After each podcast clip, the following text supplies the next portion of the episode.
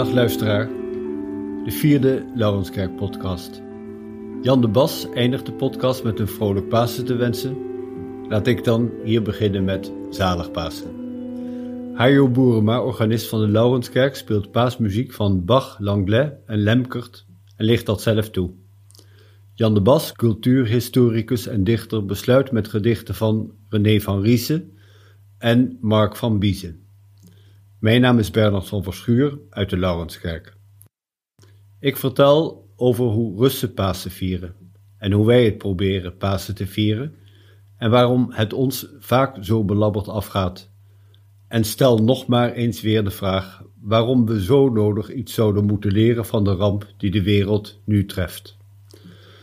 Een mens moet geen kans voorbij laten gaan om iets te leren, houd ik mezelf voor, en dat geldt ook hiervoor. Iemand vroeg of er ook zoiets als een gebed in de podcast kon. Mijn verhaal eindigt met een vers uit de 90ste psalm. Als je iets te bidden zoekt, neem een psalm. Beter is er niet te vinden. Als u iets wilt vragen of opmerken, dan kunt u ons bereiken via kerkenindelauwens.nl.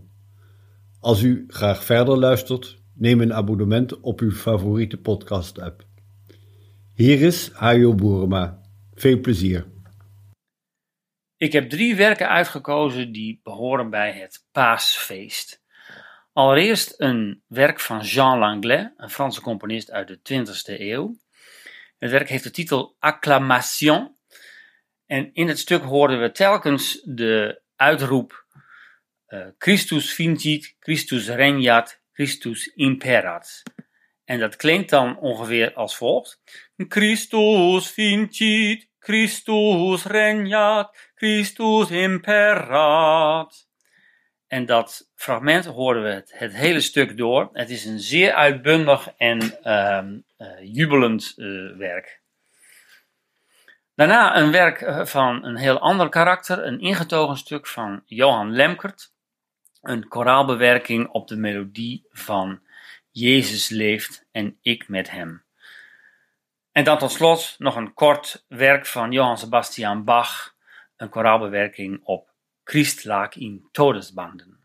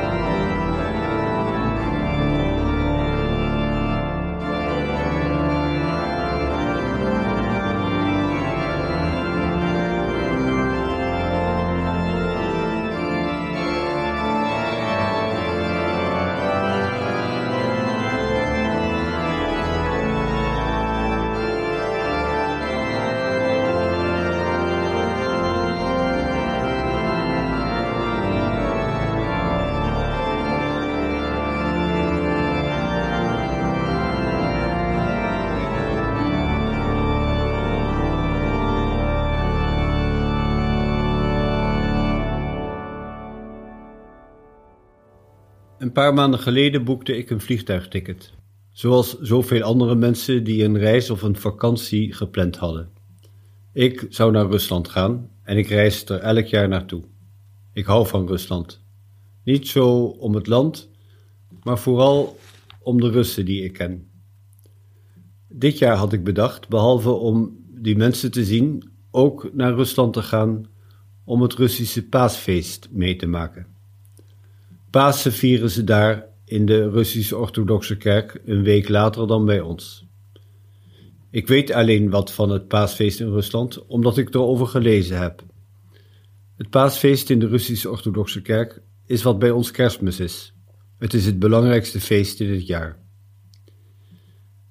Ik meen dat in een boek van Dostoevsky verteld wordt hoe iemand in de paasnacht naar de kerk gaat. Proppensvol mensen is de kerk, de dienst in de paasnacht duurt uren. In de kerk wordt gezongen en gebeden, eindeloze rituelen met priesters die onbegrijpelijke handelingen verrichten, tevoorschijn komen en weer verdwijnen, wierook en kaarsen en een mensenmassa die de atmosfeer verstikkend maken. Het volk loopt af en aan, naar binnen en naar buiten om adem te halen, om bekende en onbekende te omhelzen, te kussen, om wensen uit te wisselen. Christos voskres, de Heer is opgestaan. Pasen in Rusland, zo is mijn voorstelling uit de boeken, wekt een emotie op die ik niet ken, waar wij ons in het Westen geen voorstelling van kunnen maken. Ik zou er dus heen gegaan zijn om het te zien. En bij voorbaat heb ik me geen illusies gemaakt. Ik zou het als een vreemdeling hebben gadegeslagen, als een antropoloog die een religieus ritueel van een stam in de binnenlanden van Nieuw-Guinea bestudeert. Die Russische traditie van Pasen moet wat te maken hebben met het vermoeden van iets nieuws, iets anders. Dat wat patronen doorbreekt, onze wetten relativeert, onze zekerheden op losse schroeven zet. Dat waaruit voor die christelijke ziel het geheim van leven onthuld wordt en zichtbaar voor even in de paasnacht, als een betovering van het gewone alledaagse zijn. Gisteren stond in een krant dat de patriarch van de Russische kerk in Moskou in zijn gepantserde Mercedes een rondje om het Kremlin en zijn klooster was gereden, met een heilige reliquie op zijn schoot om het coronavirus te bezweren. Net zoals zijn voorgangers in voorbije eeuwen met een opgeheven kruis in processie rondtrokken om de pest buiten de muren te dringen. Ik bedoel maar, veel van die Russische orthodoxe geest is mij volstrekt vreemd. Maar ik ben christen, zij zijn christenen. Er moet toch iets te herkennen zijn. Behalve dat vage romantische gevoel is er nog wat anders wat mij intrigeert aan de Russen en hun paasfeest. Ze hebben iets wat wij niet hebben. Bij ons betekent Pasen een paar vrije dagen, eitjes schilderen, verstoppen, zoeken, opeten, familie zien, een ritje naar het tuincentrum of Ikea, dit jaar dan niet. Een enkeling gaat naar de kerk, dit jaar dus ook niet. Maar iets voelen bij de opstanding van Christus. Als ik eerlijk ben, ik weet het ook niet. En daarom wilde ik ook naar Rusland.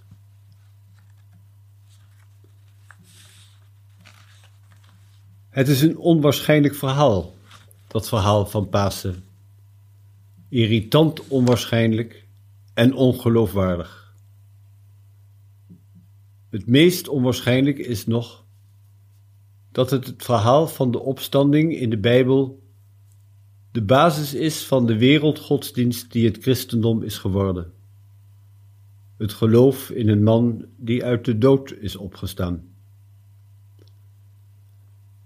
In de Bijbel vertelt Marcus, de schrijver van het oudste evangelie, dat op de vroege morgen, vlak nadat de zon was opgegaan, twee vrouwen naar het graf gingen.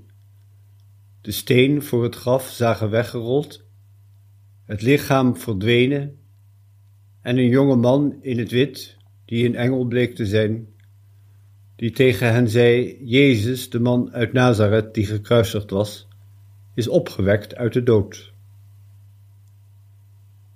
De twee vrouwen gingen naar buiten en vluchtten bij het graf vandaan, want ze waren bevangen door angst en schrik en ze zeiden tegen niemand een woord.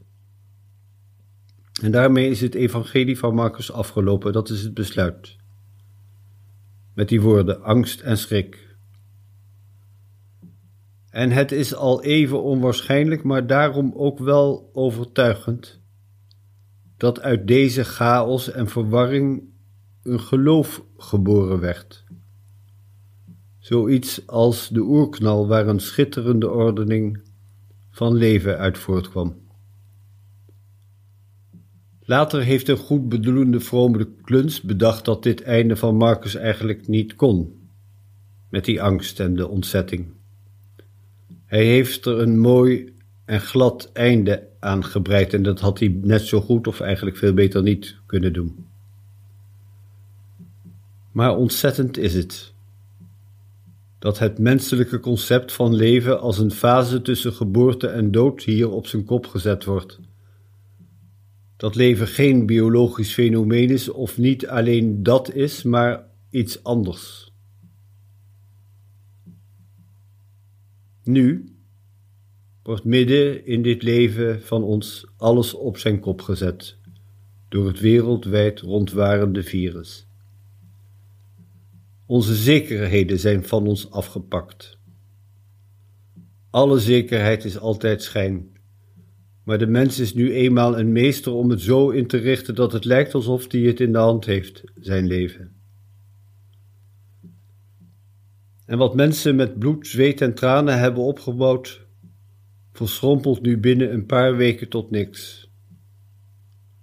Mensen liggen in hun dode eentje dood te gaan omgeven door de beste zorg, maar verstoken van de nabijheid van een geliefde of maar van een ander mens.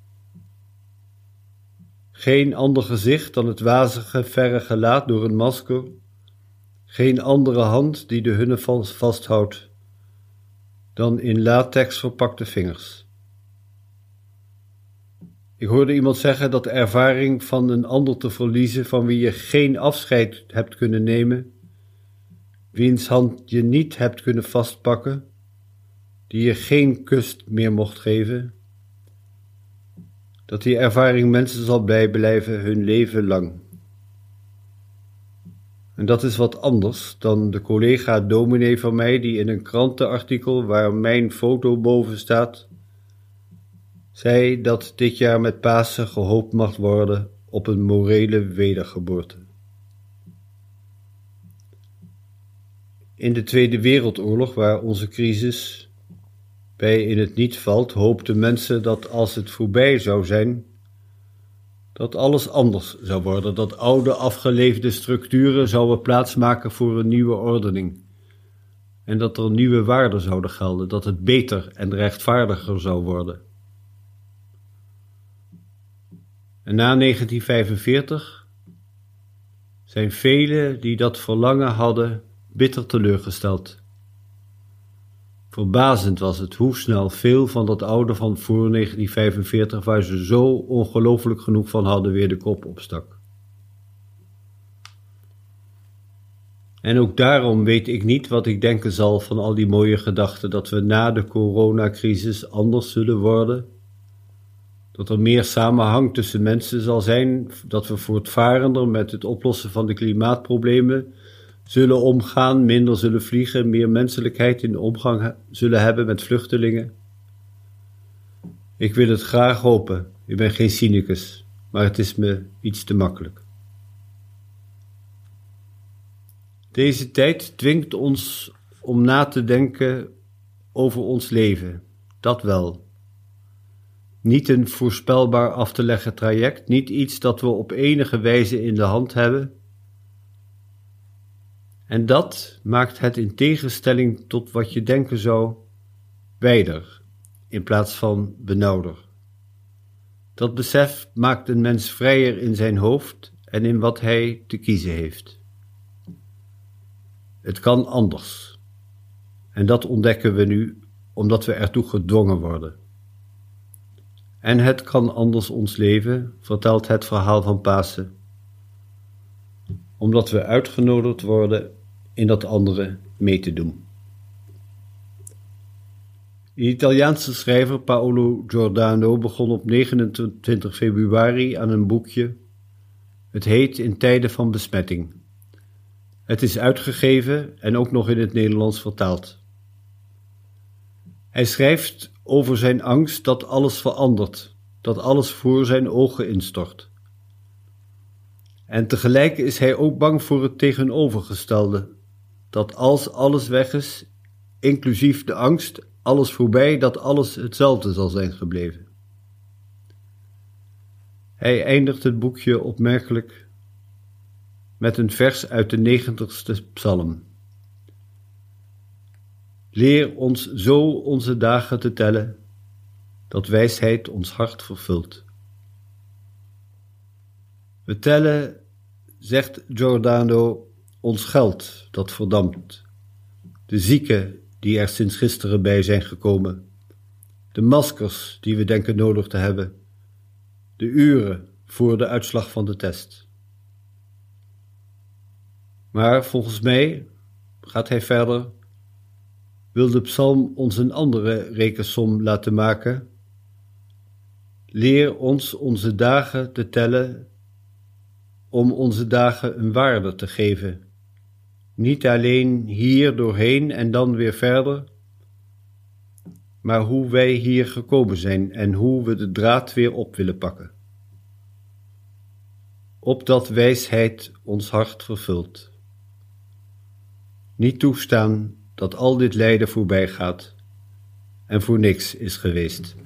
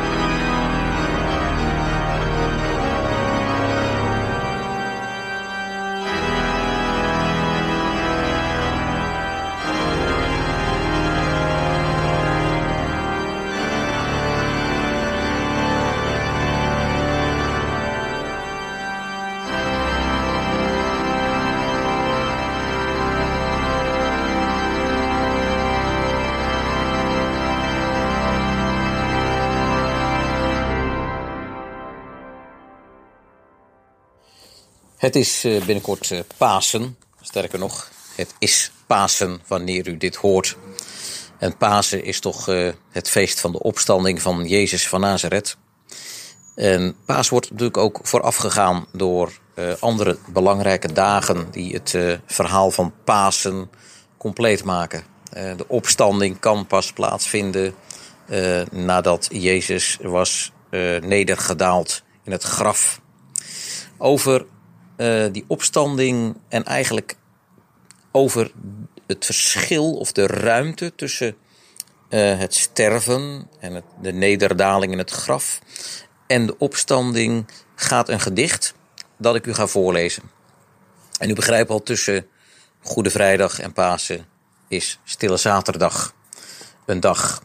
En uh, het gedicht dat ik ga voorlezen speelt zich af in Hannover. Hannover is natuurlijk een Duitse stad een beetje in het noorden van Duitsland gesitueerd. En uh, zoals het in veel Duitse steden gewoonte is, uh, heb je uh, zogenaamde Kaufhoven, winkelcentra. En in dat winkelcentrum van Hannover, in dat Kaufhof, daar speelt zich iets af. Maria Magdalena is daar. De dichter, dichteres René van Riesen, actualiseert het thema van Stille Zaterdag.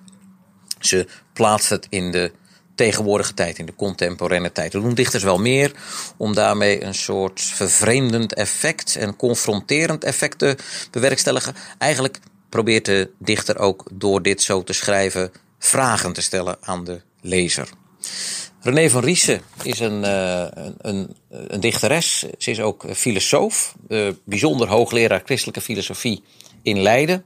En ze heeft uh, meerdere dichtbundels geschreven. De bundel die ik nu voor me heb, die heet De Vrouw en de Trommel. Daar komt het gedicht uit. Maar ik heb hier nog een stapeltje met andere gedichten. Zoals Krekels in de Keuken, haar debuutbundel Jagend Licht en Gevleugeld Ontvleugeld. En zij is een filosoof die zich erg bezighoudt met het denken van uh, Levinas, Lyotard. Uh, de ander speelt dus nadrukkelijk, dat is Levinas natuurlijk, de ander speelt een belangrijke rol in haar werk. En dat, uh, ja, dat kan de ander op allerlei manieren zijn. Ik lees u voor Stille Zaterdag. Christus verrijst dit jaar niet in Hannover. Hoe zou Maria Magdalene hem, de tuinman, in het Kaufhof kunnen vinden? Het is er veel te vol. Haastig haalt ze de dingen die morgen voor het paasfeest nodig zijn. De eierkoek, het bier, de rode wijn. Ze moet bij elke stelling om een boodschap dringen. Beneden eet ze brood met worst. Ze zoekt daarna als ieder uitwegen naar boven. Geruisloos wordt ze door de roltrap meegenomen, de draaideur drijft haar uit. Er gaat een golf van donkere jassen langs. De winkels zijn gesloten. Struikelend begint ze met de menigte te lopen. Twee tassen zwaarder. Nog geen mens gesproken. Christus verrijst dit jaar niet in Hannover. De laatste zin is de eerste zin. Christus verrijst dit jaar niet in Hannover. De dichter Res bespreekt een situatie van Maria Magdalena die daadwerkelijk als het ware neerdaalt in de onderste etage afdeling van het Kaufhof in Hannover. En waar ze zich bezighoudt met de primaire levensbehoeften, eierkoeken, bier, rode wijn. En uh, ze moet zelfs dringen om een boodschap. Ja, niet de blije boodschap, maar een boodschap. En ze eet beneden brood met worst. En dan zoekt ze een uitweg naar boven. En dan door de roltrap wordt ze als het ware naar boven gevoerd en ze wordt meegedreven in de massa, de golf van donkere jassen langs. En de winkels zijn gesloten, want eeuwig vertier kun je er niet vinden. En struikelend begint ze met de menigte te lopen. Wie is zij eigenlijk nog zelf, Maria Magdalena? Is zij nog zelf iemand? Kan ze zich persoonlijk verhouden tot Jezus van Nazareth? Dat is de vraag die hier indringend wordt gesteld door René van Riesen. Christus verrijst dit jaar niet in Hannover, zegt ze. Hoe zou Maria Magdalene hem, de tuinman, in het Kaufhof kunnen vinden? Met andere woorden, het doet een beetje denken aan dominees die dat zelfs zeiden vroeger op de kansel in de hervormde kerk waar ik zelf zat. Kun je overal Christus ontmoeten? Nou, in het Kaufhof, volgens René van Riesen, niet. Want uh, daar struikel je door de mensenmenigte heen. En dat is eigenlijk niet de bedoeling van het feest Pasen. Ik zet er een klein, kort gedicht naast van Mark van Biezen en dat heet Opstanding. Mark van Biezen, letterkundige van origine. Een kort gedicht, Opstanding. Het komt uit een uh, bundel met een vrij bijzondere titel. En die titel wijst naar Jezus. Afwezigheidsassistenten heet die bundel, uit 2007. Het gedicht Opstanding is het laatste wat ik uh, u ga lezen. En u moet het nog maar eens eventjes vergelijken met dat indringende gedicht van René van Riesen. Opstanding. Jezus knipperde met zijn ogen en zocht naar een verklaring. Zo voelt dat dus, zeide hij, een net nog doodervaring. Ik wens u een vrolijke Pasen.